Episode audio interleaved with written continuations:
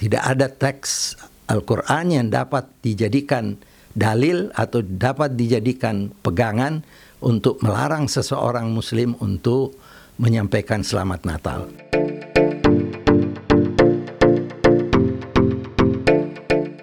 Assalamualaikum warahmatullahi wabarakatuh. Salam sejahtera bagi kita sekalian. Di antara sekian banyak pertanyaan yang masuk ke kami, ada yang cukup uh, hangat pada akhir-akhir ini adalah uh, kontroversi boleh tidaknya seorang muslim mengucapkan selamat Natal kepada saudara-saudara uh, dari agama Kristiani. Hal ini tidak saja uh, menjadi kontroversi di Indonesia, tetapi uh, hampir di tiap negara perbedaan pendapat itu terjadi. Uh, kita tentu harus bisa uh, memilah-milah dan yang pertama yang harus kita ketahui bahwa uh, agama Islam yang sebagaimana kita ketahui uh, mempunyai uh, apa yang dikenal sebagai maqasidus syariah atau uh, tujuan daripada agama itu sendiri. Antara lain tujuan agama itu adalah bagaimana uh, manusia yang dijadikan khalifah oleh Tuhan dijadikan representasi uh, Tuhan di bumi ini antara lain tugasnya selain dia beribadah dia memakmurkan dunia ini. Kemakmuran dunia baru bisa tercapai apabila ada persatuan ada stabilitas. Nanti kita bisa berbicara di konteks Indonesia Uh, saya ingin menyampaikan kepada khususnya milenial ya, uh, karena ke depan uh, generasi milenial ini akan uh, menjadi pemimpin-pemimpin bangsa ke depan. Jangan sampai uh, kelompok milenial uh, terkecoh oleh fatwa-fatwa uh, yang bisa menjurus kepada disintegrasi, bisa menjurus kepada konflik, paling sedikit bisa menjurus kepada kurangnya saling uh, hormat di antara komunitas agama. Uh, sebagaimana kita ketahui bahwa Al-Quran uh, menyampaikan kepada manusia, kepada kita sekalian bahwa tujuan daripada uh, penciptaan manusia di bumi ini adalah untuk berbakti, beribadah kepada Yang Maha Esa. Uh, Ma khalaqtul jinna wal insa illa liya'budun. Kami tidak menciptakan jin dan manusia kecuali untuk beribadah. Nah, e, menurut ulama ibadah ini macam-macam banyak hal yang e, mencak mencakup ibadah. Ada yang disebut ibadah mahda, ada yang ibadah yang yang tidak bisa ditawar, ada ibadah yang bisa ditawar dalam pengertian tidak harus e, kita laksanakan. Nah, ibadah yang dimaksud oleh Tuhan selain ritual salat, puasa, haji dan sebagainya, juga ada ayat yang terkait dengan ibadah ini adalah uh, Tuhan berfirman, "Huwa ansya'akum minal ard wasta'marakum fiha." Tuhan telah menciptakan manusia dari bumi dan meminta memberi mandat kepada manusia tadi untuk memakmurkan bumi itu. Uh, jadi tujuan daripada uh, penciptaan kita selain ibadah yang sifatnya ritual juga ibadah yang sifatnya bagaimana kita bisa memakmurkan bumi ini. Uh, memakmurkan bumi uh, tentu saja membutuhkan kerjasama, tentu saja membutuhkan saling hormat menghormat, tidak menciptakan konflik, tidak menciptakan kerusuhan, kegaduhan dan sebagainya. Nah, di situlah kita bisa uh, masuk ke uh, topik bagaimana sebenarnya ucapan Selamat Natal ini. Banyak pandangan. Ada pandangan yang mengatakan hal itu haram atau tidak diperbolehkan. Karena dengan mengucapkan Selamat Natal, seakan kita mengakui uh, doktrin uh, umat Kristiani yang tentu saja doktrinnya tidak sama dengan kita. Jadi kalau kita mengucapkan selamat Natal, kita telah keluar dari garis uh, kepercayaan atau akidah kita. Ada yang mengatakan bahwa hal itu tidak menyangkut akidah kita. Bahwa selamat ucapan selamat Natal adalah upaya kita untuk berbuat uh, sesuatu uh, ungkapan yang menunjukkan ada saling hormat. Karena khususnya di Indonesia ini kita ketahui bahwa umat Kristiani mengucapkan selamat hari raya Idul Fitri, Idul Adha kepada saudara-saudaranya yang muslim pada masa-masa uh, uh, lebaran sehingga kita umat Islam menurut pandangan ini tidak ada sama sekali larangan untuk kita uh, mengucapkan balik selamat Natal pada saat saudara saudara-saudara kita umat Kristiani merayakannya. Ada di dalam Al-Quran ayat yang bisa dijadikan patokan. Uh, ada ayat yang berbunyi idza huyitum bi tahiyatin fahayyu bi ahsana minha au rudduha.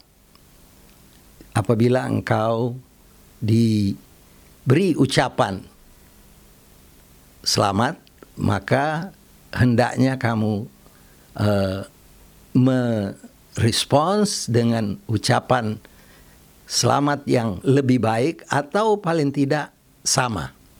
Uh, dari ayat ini, ulama-ulama yang membenarkan uh, seorang Muslim menyampaikan selamat Natal uh, menjadikan ini salah satu dalilnya, salah satu bukti bahwa Al-Quran uh, menganjurkan kita menjawab ucapan selamat itu dengan ucapan yang lebih baik atau paling tidak sama.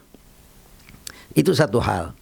Uh, Al-Quran juga uh, membagi manusia-manusia, khususnya non-Muslim, uh, kepada dua kategori. Satu kategori uh, mereka yang memerangi umat Islam dan satu lagi kategori mereka yang baik-baik saja sama umat Islam. Nah, di situ Al-Quran jelas membedakan kedua kategori ini. Mereka yang mengusir umat Islam dari negerinya atau memerangi agamanya itu yang dianggap bahwa kelompok yang memusuhi umat Islam. Maka kepada mereka kita tidak boleh uh, berlaku baik kepada mereka yang memusuhi agama dan mengusir kita dari negeri kita. Bagaimana dengan umat uh, non-Muslim yang tidak memusuhi umat Islam dan tidak memerangi agama Islam? Bagaimana sikap Al-Quran? Sikap Al-Quran jelas. La yanhakumullah anil ladzina lam yuqatilukum fid din wa lam yukhrijukum min diyarikum antabarruhum wa tuqsitu ilaihim. Tuhan sama sekali tidak melarang umat Islam untuk berlaku santun, berlaku baik, dan berlaku adil kepada mereka dari non-Muslim yang tidak memerangi agamamu dan tidak mengusir kamu dari negerimu. Maka ucapan selamat kepada uh, umat Kristiani pada masa masa Natal kita tahu umat Kristiani di Indonesia tidak memerangi agama Islam, tidak memusuhi umat Islam, maka masuk di dalam kategori anjuran untuk berbuat baik dan berlaku adil. Kata bir di dalam Al-Quran itu digunakan juga uh, untuk menunjukkan bagaimana seorang anak berlaku baik kepada orang tuanya. Birrul walidain.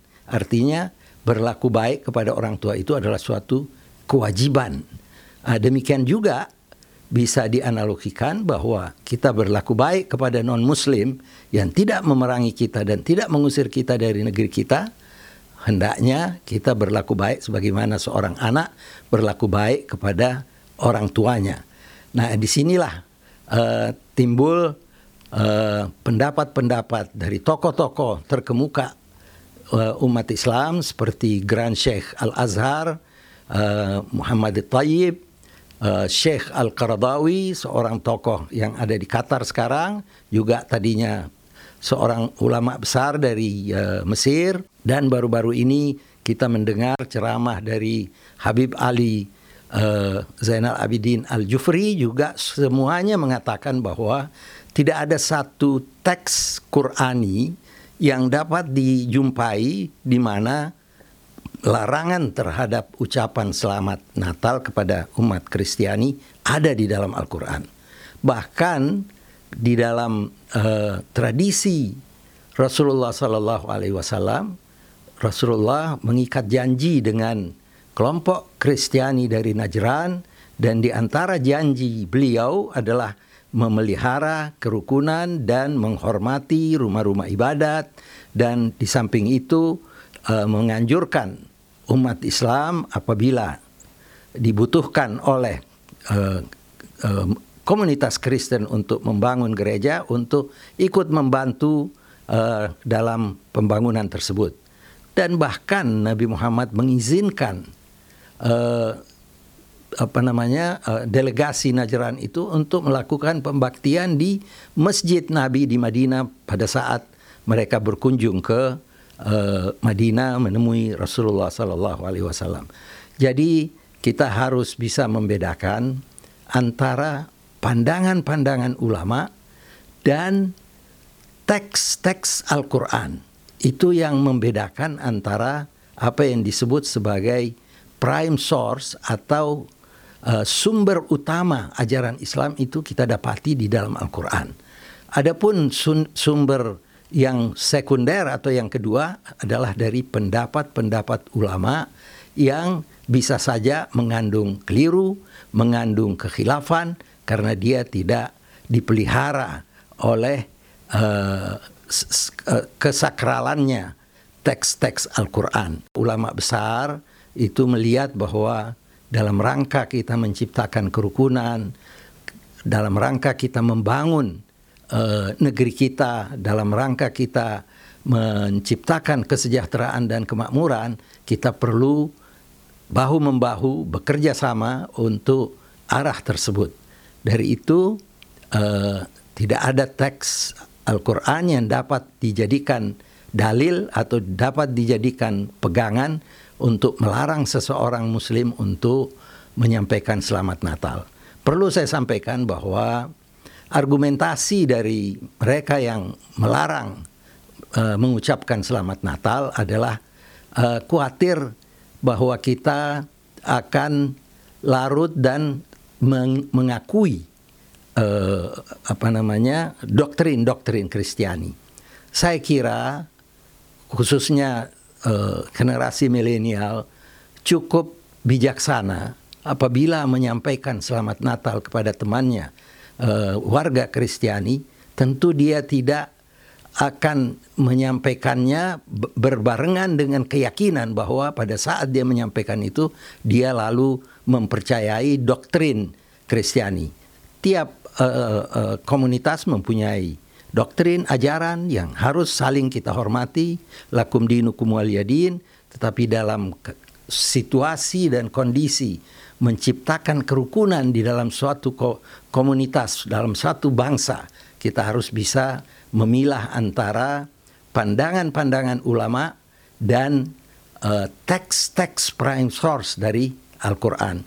Perlu saya sampaikan bahwa pandangan ulama ini tentu saja dipengaruhi oleh situasi, kondisi pada masanya. Kalau kita uh, kembali kepada sejarah, di kapan dimulai uh, suasana uh, semacam permusuhan atau suasana yang tidak uh, kondusif di dalam hubungan Muslim dan Kristiani, kita apabila ber, uh, menelusuri sejarah hubungan Muslim dan Kristiani ini, kita dapati uh, perang salib dan setelah perang salib uh, umat Islam merasa terpuruk, umat umat Islam merasa uh, sangat uh, apa namanya down dengan invasi dari Mongol pada tahun uh, 1258. Nah, pada masa-masa abad ke-13 ini ada beberapa ulama yang garis keras dalam pandangannya, tentu dengan motivasi mau mengembalikan kejayaan Islam, ada di antaranya seorang tokoh yang sangat prihatin dengan keadaan ini dan mengeluarkan fatwa-fatwa yang tidak bersahabat kepada beberapa kelompok uh, antara lain kepada kelompok Kristiani. Sehingga uh, fatwa-fatwa uh, tokoh yang bernama Ibn Taimiyah yang lahir pada 1263 uh, kalau saya tidak keliru atau 16 uh, uh, 1326 uh, fatwa-fatwa beliau yang dihimpun di dalam ada fatwa tentang umat Kristiani, fatwa al-kanais tentang gereja. Di situ beliau dengan jelas menganjurkan supaya umat Islam jangan berinteraksi secara intensif dengan kelompok Kristen karena kelompok Kristen ini akan mempengaruhi uh, doktrinnya terhadap umat Islam sehingga dianjurkan untuk jangan kita ikut di dalam perayaan uh, umat Kristiani dan dan dari situlah timbul pandangan pandangan-pandangan bahwa untuk mengucapkan selamat Natal itu juga masuk di dalam fatwa yang menganjurkan untuk kita menjauhkan diri dari umat Kristiani. Ibn Taimiyah lahir pada masa terpuruknya umat Islam, Mongol menguasai uh, negara Islam pada masa itu Abbasid uh, dan di samping itu uh, umat Islam merasa bahwa perlu untuk melakukan semacam uh, introspeksi.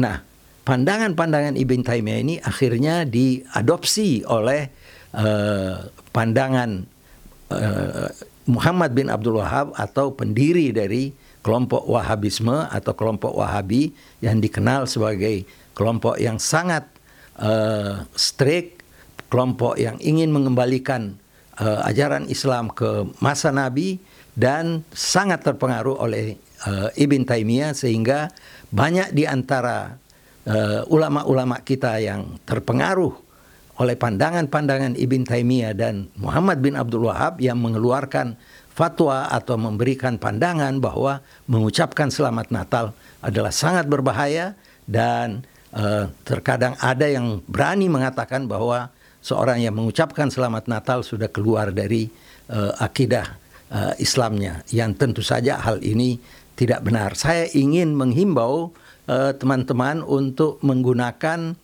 uh, uh, apa namanya kearifannya meneliti sejarah dari mana datangnya uh, sumber yang dijadikan dalil sekarang uh, untuk tidak mengucapkan selamat Natal.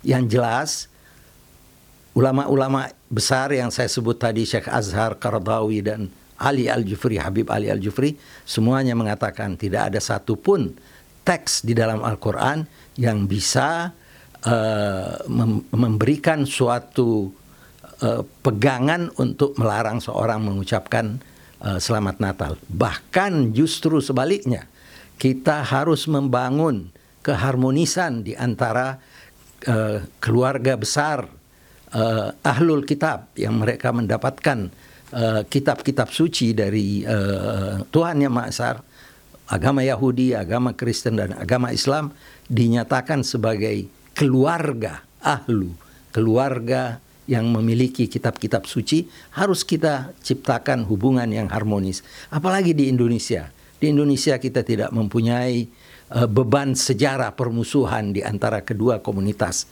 Islam dan Kristen.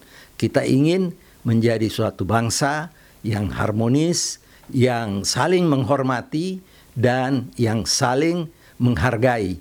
Apabila eh, dan Islam sebenarnya sangat menghargai ahlul kitab sehingga Al-Qur'an membolehkan umat Islam menjadikan ibu dari anak-anaknya dari kelompok Kristiani.